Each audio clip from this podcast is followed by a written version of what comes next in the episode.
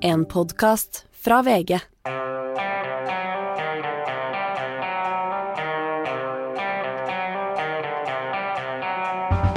Ikke visste jeg at alle disse dagene som kom og gikk, og det var kanskje ikke så mange denne gangen, det var selve uke 15. Det hjelper å kutte mandagen, eh, Hanne? Ja, det ble en veldig kort uke. Det er Ja. litt eh, deilig, det. Ja. Jeg har en kollega som alltid begynte etter lange sommerferien på onsdag i første uka, jobbuka, for da ble det en litt kortere uke, så det var litt Ja. lettere. ja. Dette er en slags variant da, påske, etter påsken. Det er en sånn gammel eh, sketsj med, med han Karsten Byring, hvor han snakker om sånn korttidsarbeiderforeninga eller et eller annet sånt, hvor han krever, kniper det ene etter det andre til slutt. Da er det fri hele uka! Gøy. Gøyal parodi på arbeiderbevegelsens krav. Det der litt utdatert. Og apropos det, så er det altså øh, innspurten i øh, lønnsoppgjøret. Det er fare for storstreik øh, fra, fra neste uke. Jeg skal snakke mer om det om et øyeblikk, men ellers skal vi også snakke om Venstre har ikke landsmøte, men årskonferanse. ja, Venstre gjør alltid ting litt annerledes. Ja. De, øh, partiet, partiet som står så i midten at det nesten ikke har oppslutning. Eh, Og de, eh, Som Venstre-medlem og venstrepolitiker kan du mene nesten hva som helst om nesten hva som helst. Det er alltid det som slår best an blant øh, politiske journalister og sånn. De pleier å stemme Venstre, for det er liksom sånn nærmest å være politisk da, da kan du være hva som helst. Du kan være liberalist à la Frp, eller du kan være øh, Du kan stå på ytre venstre i sosial fordelingspolitikk og i det hele tatt. Det er veldig, veldig bra sånn sett. Veldig anvendelig parti for, for journalister. Og kanskje i perioder hvor jeg har ligget skikkelig lavt, er det kanskje bare journalister som har stemt på det? Det er godt mulig. I gamle dager var det jo lærerne. Både du og jeg kom fra lærerhjem. Var mora di øh, venstre Det er jeg litt usikker på. Jeg vet hva faren min var, han var alltid Arbeiderpartimann. Men Ja. eh, moren min lurer jeg på, hun fortalte aldri. Jeg mistenker at hun kanskje var et sted mellom Venstre og Arbeiderpartiet. Ja. Foreldra mine var venstre, og så ble de hjemløse etter splittelsen i når var det, 73 eller eh, et eller annet sånt. Ok, eh, så vi skal snakke om det. Skal vi snakke litt om eh, vårt, eh, vår kjepphest for tiden, om, eh, om eh, kunstig intelligens. Men først altså eh, fare for storstreik. Og eh, Sindre, i dag så møtes YS, LO og NHO hos eh, Riksmekleren i et siste forsøk på å lande årets lønnsoppgjør.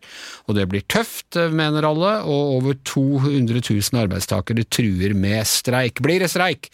Fortell oss, du som har alle analysene og faktaene. Ja, Det er jo et såkalt mellomoppgjør i år, hvor de bare forhandler om kroner og øre. Og skal vi se på historikken, så blir det ikke streik. Det har ikke blitt streik i moderne tid eh, i mellomoppgjørene. Nei. Men Hva er eh, moderne tid? Hvor, hvor langt strekker den seg tilbake? ja, den strekker seg til uh, lenge før krigen. Ja, ok. Ah, ja, da, da, da har du Snakker vi mensterslag og sånn, eller? Ja, det er noe sånt. Ja. Så, så jeg, eh, jeg, jeg tror de blir enige, men jeg tror slaget i år blir uh, hardere enn på mange år.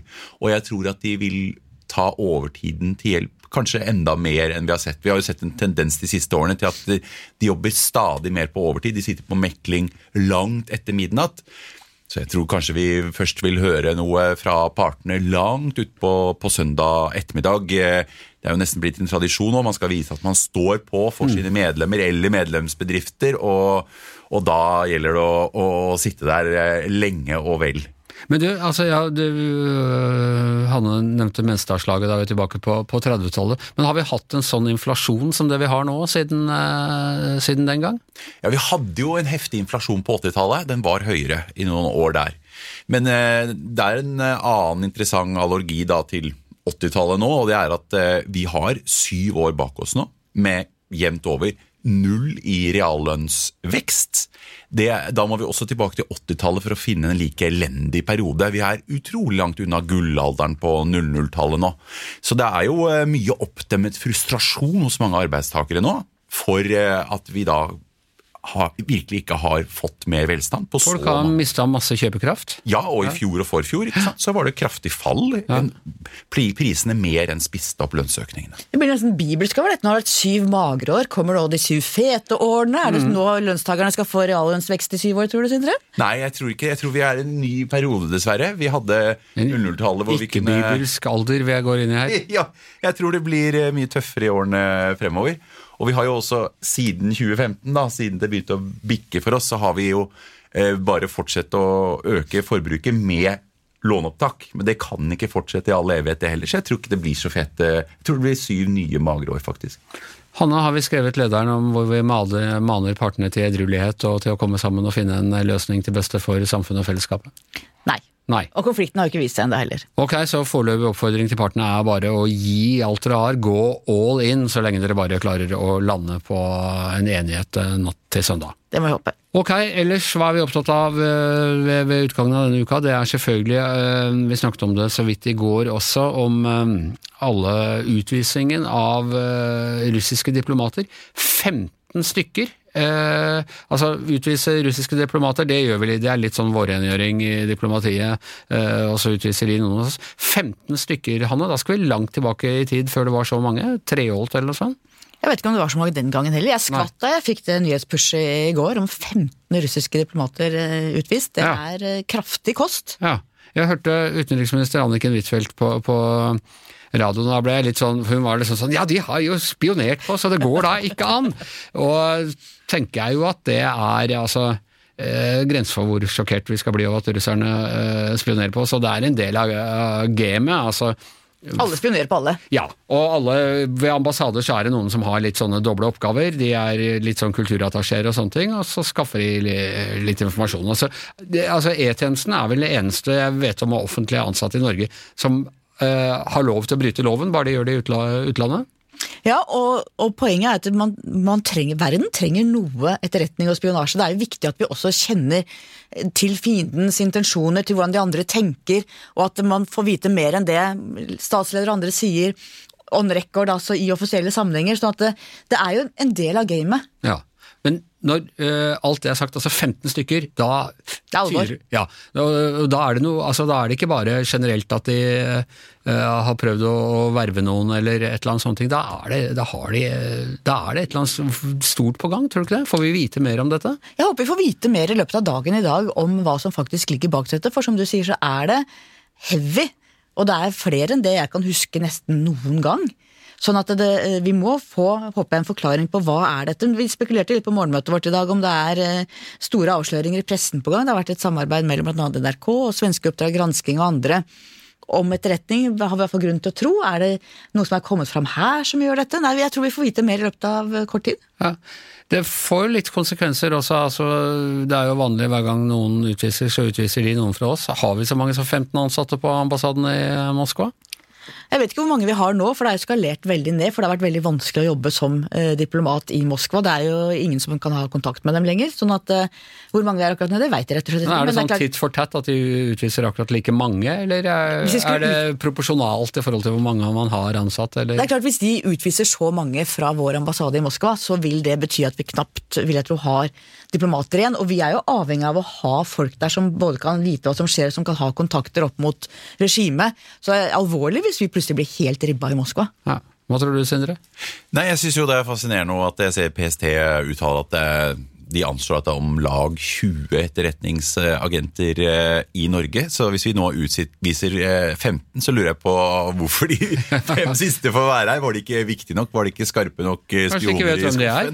Ja, Det er Foxtrot, som de kalte Treholt. Det tok jo mange år før de fant ut hvem han var. ja, det kan jo være noe der. Eh, Og ellers eh, fascinerende hvordan eh, dette kanskje da eh, hvis jeg skal prøve å gi en positiv spinn på det, viser at eh, bitte lille Norge har en viss betydning likevel, når Russland setter inn så store eh, ressurser her. Sier kanskje litt om vår rolle innen gass òg, som jo er blitt den viktigste forsyningskilden til europeerne etter at eh, det meste av russisk gass ble borte. Eh, så vi er ikke helt eh, ubetydelige, vi heller, altså. Nei, altså vet vi, altså Det har jo vært episoder i disse dronene, det er eh, gassrørledning det, har, eh, det er en mer aktiv eh, periode innen eh, hva skal vi si, spionasje og kontraspionasje og aksjoner enn det har vært eh, siden kalde krigen, Hanne? Ja, plutselig kommer dette tilbake. Jeg tenker litt sånn John Le Carré, alle disse spionromanene, filmene. Plutselig så er Humint, som de kaller det, altså Human Intelligence, spionene er tilbake i også vår bevissthet på en helt annen måte enn det var i de 30 årene hvor det var fred og frihet og alt gratis. Spionene har kommet inn fra kulden igjen. Igjen! Og det er jo utrolig fascinerende også eh, disse lekkasjene om amerikansk etterretning. Det går jo på såkalt signaletterretning, altså ikke de menneskelige ressursene. Så det har vi jo tillegg, men vi ser jo også på de lekkasjene hvor omfattende spionasjen også er med allierte USA har, som Sør-Korea, Israel osv. Så, videre. så omfanget av etterretning i verden er jo enormt. og Interessant at Huitfeldt eh, påstår at vi ikke har noen eh, er spioner med diplomatisk dekke i Moskva. Jeg håper heller ikke det er helt riktig, for Ja, da virker det veldig naive. nei, Jeg syns de blir så, blir så utrolig eh, naive, liksom, så at vi spiller etter alle Altså, Dette er jo en del av reglene, at man ikke helt følger reglene når det kommer til eh, innhenting av nødvendig informasjon. Ja. Ok, utviklingen av kunstig intelligens ruller videre med eksplosiv fart. Vi husker fra før påske at uh, mange av de ekspertene som, som jobber med å utvikle kunstig intelligens, ønsker å skru på bremsen, så vi må ta en, eh, en eh, timeout her. Uh, noen av dem frykter at uh, kunstig intelligens ikke bare skal frata oss arbeidsplasser, det skal rett og slett stå for menneskehetens eh, utslettelse. Det mangler ikke på eh, på dystre spådommer. Eh, og- Samtidig så, så eh, bruker stadig flere eh, kunstig intelligens. Nå er det, det har kommet en ny versjon av den derre chat-GPT, GPT4. Og um, denne uka så har altså Snapchat lagt inn en egen knapp, My AI, altså My Artificial Intelligence, min kunstig intelligens, eh, som gjør at du skal ha noen å prate med når det ikke er andre å chatte med eh, der ute. Og jeg får litt inntrykk av, Astrid, altså alle når vi sitter og utforsker dette her, så tester vi litt forskjellige ting vi prøver å, finne ut av. Og du testa å få skrevet en konfirmasjonstale til din sønn, som riktignok bare er åtte år, som, men øh, hva det ville si om den på din egen dialekt? ja, det var altså den nye utgaven av eh, GPT4 da, som Skipsted, eh, eierselskapet vårt, eh, ga med denne uka her. Det kosta jo fortsatt eh, penger, så du må eh, Så jeg fikk den av Skipsted, så fikk jeg prøve den. Og det som er artig med den, er at du nettopp kan eh, be den om å skrive på trøndersk, du kan be den om å bruke stygg bannskap, du kan be den om å være Rosenborg-supporter, sosialist, kapitalist, hva som helst. Men jeg ba den altså om å skrive en emosjonell konfirmasjonstale til en gutt på 14 år, vokste opp på bygda, som var interessert i slalåm og fotball. og da kom det ut, vet du. med jeg er så stolt over å se deg her i dag. Jeg står her i dag og sier meg stolt og rørt over den flotte unge mannen du har blitt. Jeg ble helt rørt eh, selv jeg, når jeg leser dette. Ja, så kom på det at eh, det er klart det kommer til å bli brukt her, for jeg kjenner jo ganske mange som sliter med å skrive taler, som tidligere at det må bruke penger på å leie en sånn taleskribent, enten du er toastmaster eller skal tale i et 50-årslag, eller til og med prester som skal skrive preken, har da begynt å, å bruke GPT4. Så jeg tror at eh, når det her kommer til folk flest, så kommer de så klart til å bruke det. Selv om, selv om de er skeptiske i, i begynnelsen, så står det der en dårlig tid og ikke har skrevet noe tale. Det har vært mye uh, dommedagsscenario for oss i, i mediene uh, på dette her. Men når jeg leste den kommentaren din, så slo det meg at kanskje det er mer sånn First House og PR-bransjen som er, uh, som er liksom kanariene i gruvegangen her, og som kommer til å ryke først? Ja, eh, tekstforfatterne må jo legge tynt an, for de skriver jo om noe som på oppdrag òg, som, som eh, Det har jo ikke betydd hva en tekstforfatter mener, den får jo et oppdrag. Så de må jo begynne å bruke eh, GPT4 eller det som kommer etterpå, ganske fort, tenker jeg. Kanskje de mest mister jobben da. Men det er jo en fare for oss òg, da, Anders. Jeg tok, Ja, ja, ja. ja, ja, for jeg tok og sjekka den kunne analysen analyse av Arbeiderpartiets eh, nedgang på målinger, og den var jo, det må jeg si, den var bedre enn eh, bedre enn meg, altså. Nå må du ikke selge deg selv eh, for vanskelig her, eh, Astrid. Men altså, fordi det, skjedd, det aller mest intelligente og menneskelige med ChatGPT, må jeg si så langt, det er jo at hvis en ikke veit svaret, eh, så sier han ikke 'jeg vet ikke', den bare ljuger i vei og bare dikter opp de helt eh, mest vanvittige ting. Ja. Vi hadde denne uka seminar på, på, i kommentaravdelinga for å diskutere hvordan vi bruker eh, AI og sånne ting, og så la jeg lenke til dagens leder inn der, og, og sa kan du gi et sammendrag av denne lederen på 300 tegn. Og da hadde han ikke adgang til den lederen. Det er altså Den kunne ikke bruke den lenke, men det tør han ikke si. Så han bare baserer seg på de stikkordene da, som da ligger i lenken, og så dikta han opp eh, en helt egen eh, lite summarium av, av, dette her som dreide seg om noe helt annet enn det lederen hadde. Ja, det er litt skummelt, da, for den er jo samtidig så overbevisende og sjølsikker i sin prosa. Skriver jo så godt, ikke sant? så det høres jo ut som den faktisk Eh, jeg søkte opp eh, hjemkommunen min Rindal, og det, var jo bare sprøyt. Det sto om det breie kulturtilbudet og hvor mange innbyggere, og alt dobbelt så mange innbyggere som det var. Det virka tilforlatelig, ikke sant? Ja. Og jeg spurte om, fordi jeg hadde bare moroa, eh, var på hytta, så fant jeg to gamle påskekrim i, i hyllen. En het Data i sporet, og den andre het EDB-forbryterne, eller et eller annet sånt. ting. Så tenkte jeg gøy med å finne andre eh, kriminalromaner som har data og EDB i tittelen, så jeg spurte Shatke PT om den, og da ga han meg ti stykker, inkludert noen Agatha Christie-bøker, som hørtes ut som de kunne ha eksistert, men som ikke eksisterer i virkeligheten. Ja, nettopp. Men det, som eh, de her ekspertene sier, er at det her blir jo selvsagt eh, likere etter hvert, fordi at eh, GPT4, den, ikke engang den, er kobla til internett, sånn at informasjonen den har, den stoppa i 2021, tror jeg det. Eh, men planen er jo da å selvfølgelig fòre den med enda mer oppdatert informasjon og koble den på internett etter, etter, hvert. Og så er det jo mange konkurrenter her. Da Bard heter vel den til Google, som har kommet litt i skyggen. og så eh, har jo kineserne lansert sin egen nå. Den skal ha et sosialistisk eh, grunnsyn. og, og, det er jo Dette påpekte jo du også på morgenmøtet i dag. Eh, den er jo ganske sånn um PK, som vi kalte det i gamle dager. Woke eh, heter det i våre dager. Eh, denne her, altså den, den, vil, den forteller glatt vitser om Gud og Jesus, men vil ikke fortelle om eh, Muhammed. Nei, det er den der til Snapchat, den Mai AI, da. Den er superwoke, i hvert fall når jeg snakka med den. Og jeg tenker på det at Hvis VG skal ansette den istedenfor meg da, som kommentator, så blir det i hvert fall en litt mer woke kommentator, for den er liksom sånn jeg stilte mange spørsmål om transkvinner, og transkvinner skal sone i fengsel for kvinner, f.eks. Og der er den urokkelig, det skal de. Uh, mens uh, chat, eller GPT4, den er litt mer sånn 'jeg er en robot, jeg kan ikke ta stilling til sånne ting'.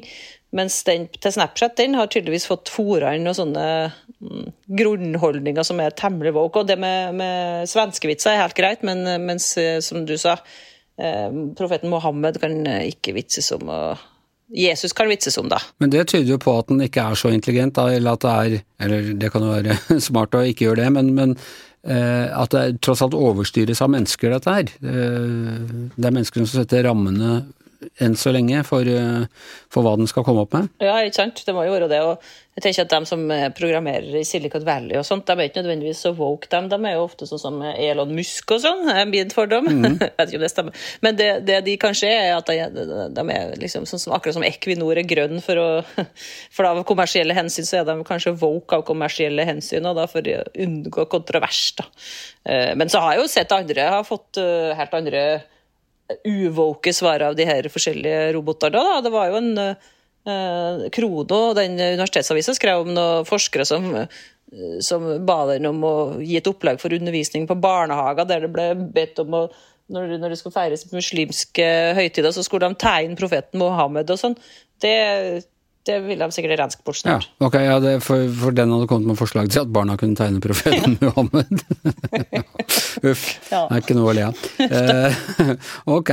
Kommer du, altså per nå, eh, kommer du til å bruke den til noe annet enn sånn morogreier, eller, eh, eller er det foreløpig liksom bare en, en, ting å leke seg med, og så kan man tenke på hvordan dette vil bli etter hvert? Ja, jeg kan jo ikke stole på det, ikke sant? for det som vi snakka om, fakta er jo ja, kan ikke stole på det, så du kan ikke, men du kan jo bruke den til å oppsummere den teksten du sjøl har skrevet. Ja. Eller bruke bruk den til ting du kan noe om, og så taler og det du Sånne mellommenneskelige forhold, skal vi si. Det er ikke noe som faktasjekker konfirmasjonstalen til sønnen min, så det, der, skal, der, skal, det gå greit. Der, kan jeg bruke den.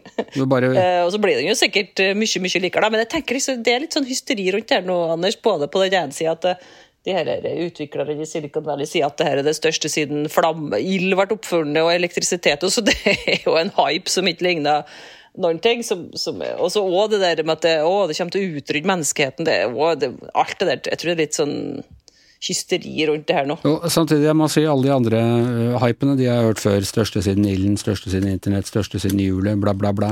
At man skal utrydde menneskerettigheten, det tror jeg ikke jeg har hørt siden, uh, siden de drev og fant opp atombomber og hydrogenbomber, så det er litt creepy. Det er jo litt rart, da, uh, at hva var det, 10% av dem som sitter og jobber med det her, svarer det. Hvorfor fortsetter de å jobbe med noe som da eventuelt vil utrydde dem sjøl? Det henger jo ikke helt på greip, så da må de jo slutte i tilfelle, hvis de virkelig tror det. Men det var ingen som advarte mer mot atombomben enn Oppenheimer og Einstein og disse her som var med på å utvikle den, så det er vel bare egentlig Det er den menneskelige natur. Dette, Oi, vi kan spalte atomet, det bør vi ikke gjøre, men nå prøver vi. Ja, ja, og, og litt sånn når man begynner å tenke på sosiale medier, og hvor dårlig vi har vært å regulere det, så er det ikke så rart at folk blir bekymra i, i, denne uka her på svensk radio at Facebook nå får tilgang til kvitteringene som vi Eh, har på apoteket, sånn at vi vet om vi har kjøpt graviditetstest og avføringsmiddel og det ene med det andre. Så personvernet har jo gått fløyten for lengst, og vi har ikke klart å uh, regulert sosiale medier. De er liksom, tvert om, de sosiale medier er medvirkende til at vi har fått angrep på Kongressen i USA,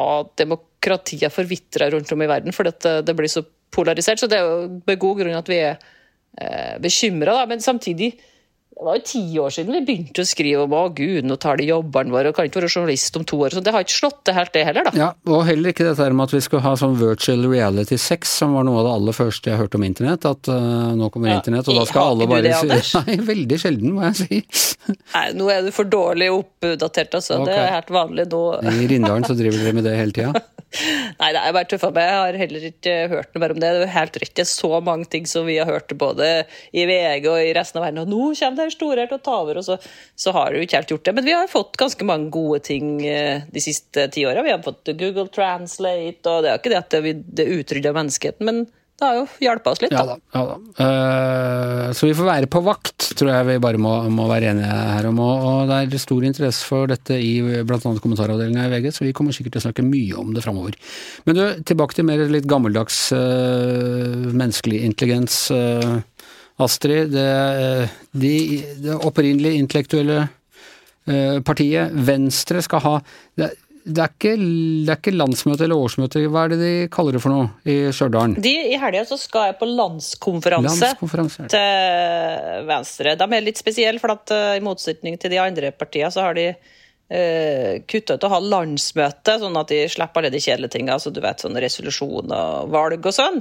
Men de har eh, landskonferanse, da, og det er på en måte en kickoff, kan vi si det, ja. til valgkampen, da. Ja. Til kommunevalgkampen som Men hva, hva, gang, hvor gjør de alle disse resolusjonene og det, det, du kaller kjedelige greier? Er det Chat GP, GPT som tar seg av det? Nei da, de, de har flytta landsmøtet, så det, de gjorde alt det der i oktober i, i, i fjor høst. Så vedtok de Eh, forskjellige ting og formalitetene på plass. Nå er det, nå er det altså sånne nominasjoner og program, så, så nå er det valgkamp, da. Og eh, selvfølgelig workshops og diskutere veien videre for det lille partiet, som ja, de, jo, de, er jo ikke så mange som er opptatt av dem for tida, men de, de ligger jo der på rundt 4 på meningsmålingene. da, og uh, ja, går ganske bra. Altså Et av de minste partiene med det aller største spennet er den gamle vitsen alle eldre kommentatorer tar når de skriver om Venstre, om det ekteparet som begge var venstrefolk og dermed uenige om det meste. Um, og nå, altså vi, vi, snakket litt om Unge Venstre som går i stadig mer liberalistisk retning, men nå mener du at det er sterke krefter i, i partiet som egentlig ønsker å motprogrammere mot Senterpartiet og bli litt sånn uh, eh, distriktenes og bygdas eh, parti, mens eh, Senterpartiet koker bort i regjeringskvartalet i Oslo? Ja, husker du når, eh, da vi var på landsmøtet til Senterpartiet, det var ikke så lenge siden det var i Trondheim, da, da var jo Senterpartiets Sandra Borch og Geir Pollestad ute i Dagbladet og så åt dem blodig biff på restaurant. Så sa de at det er ikke middag hvis du ikke får rødt kjøtt, eller hva de sa. Det er, kjøtt, med, mat, det er ikke mat hvis ikke er kjøtt og sånn. Mens Venstre de er mer sånn Spørs om vi kan prøve å få dem ut på restaurant i Stjørdal, hvis det finnes noen da, som har sånne kikerteburgere eller sånn, og så prøve å få dem til å si at, at det, det, er ikke mat. Eh, kjøtt det er ikke mat. Eh, altså, de er, det er ikke mat hvis det, ikke er, hvis det ikke er tang. Ja, ja, det spørs om vi får dem med på det. Men de, de, de ser jo det godt at Senterpartiet har mislykkes på målingene, og at den vanvittige vanvittige liksom, distriktspolitiske hypen de sto, sto for, den har jo liksom krasjlanda, og eh, da ser vel at det er et rom der. Eh, både for å angripe eh, Senterpartiet på, på, det med rødt kjøtt og klima, men òg det der med eh, den der eh, reverseringa av alt mulig rart. Altså domstolsreform, politireform, kommunereform. Venstre er jo sterkt imot uh, den reverseringa. De vil ha faktisk mer sammenslåing. De vil ha enda mer kommunereform i Venstre. Så da er det ikke snakk om å, å utfordre Senterpartiet på deres tradisjonelle områder, men å, eh, men å gå mot dem på noen av de Eh, tingene de har holdt på med eh, som man mener, mener det ligger et mm, potensial for motstand mot, da, som kommunereform. Men òg på, på, distriktspolitikken, ikke sant? Fordi, fordi, Senterpartiet er liksom, det har vært det partiet som alle har sett på som det, det store distriktspolitiske partiet i mange år. Men det har jo ikke gått så bra. De har fått gjenopprette en skole oppe i Nesna. og uh, altså, Det er jo ikke noe mer liv og røre på bygda nå. og uh, og sammen med landbruk, det er jo pessimisme i landbruket og sånn. Så Venstre ser vel et rom for å komme med sin distriktspolitikk her, da, altså, som går ut på at vi skal legge om til mer eh, miljøvennlig næringsliv, mer grønn retning. Eh, sats på f.eks.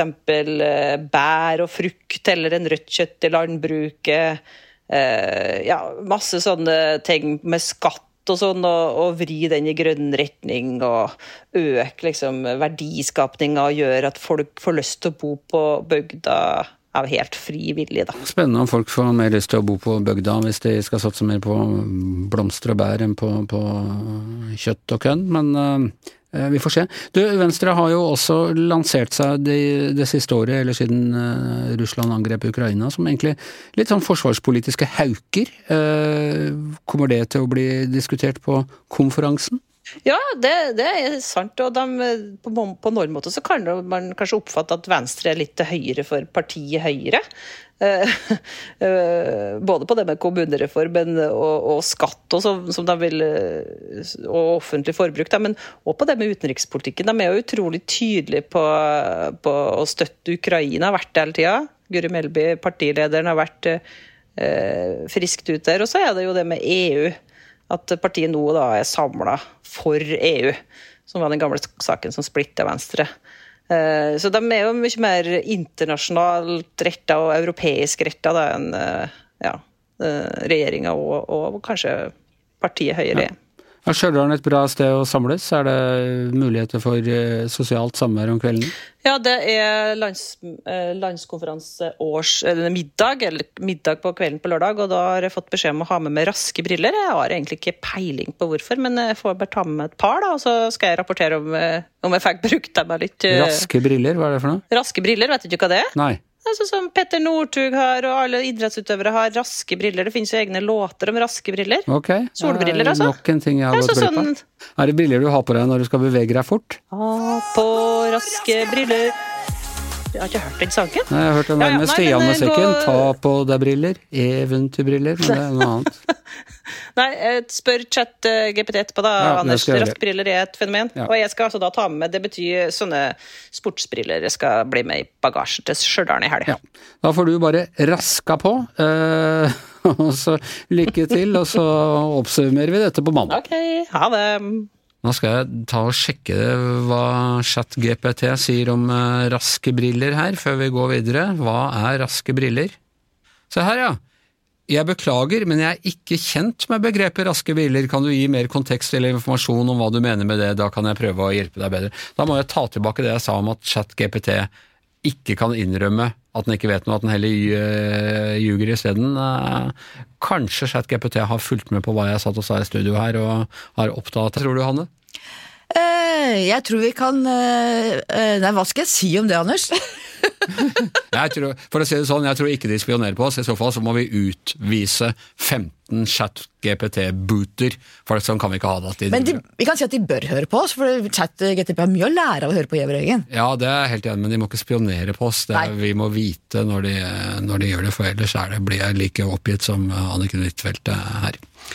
Ok, eh, så har vi en annen liten nyhet. Eh, vi skal ha ny liveopptreden eh, Giæver og gjengen på der hvor vi var sist, eh, før jul, Somro hotell i, eh, i Oslo.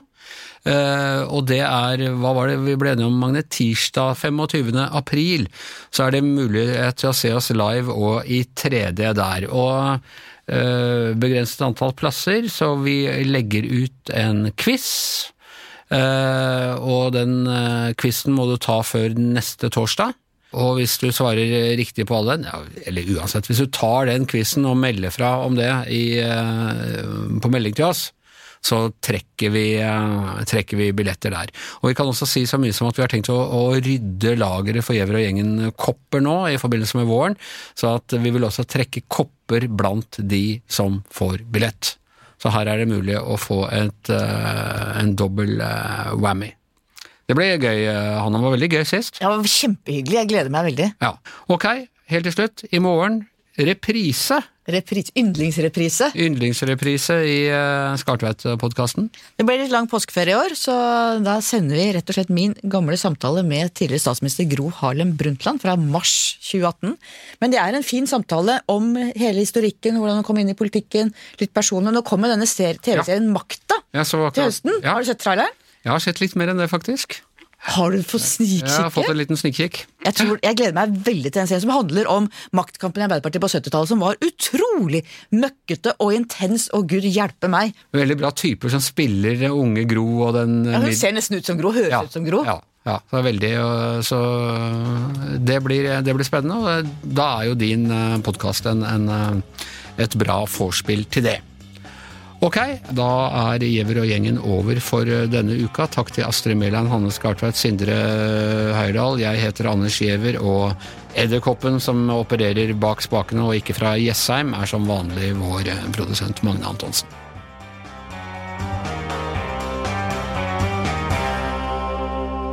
Du har hørt en podkast fra VG.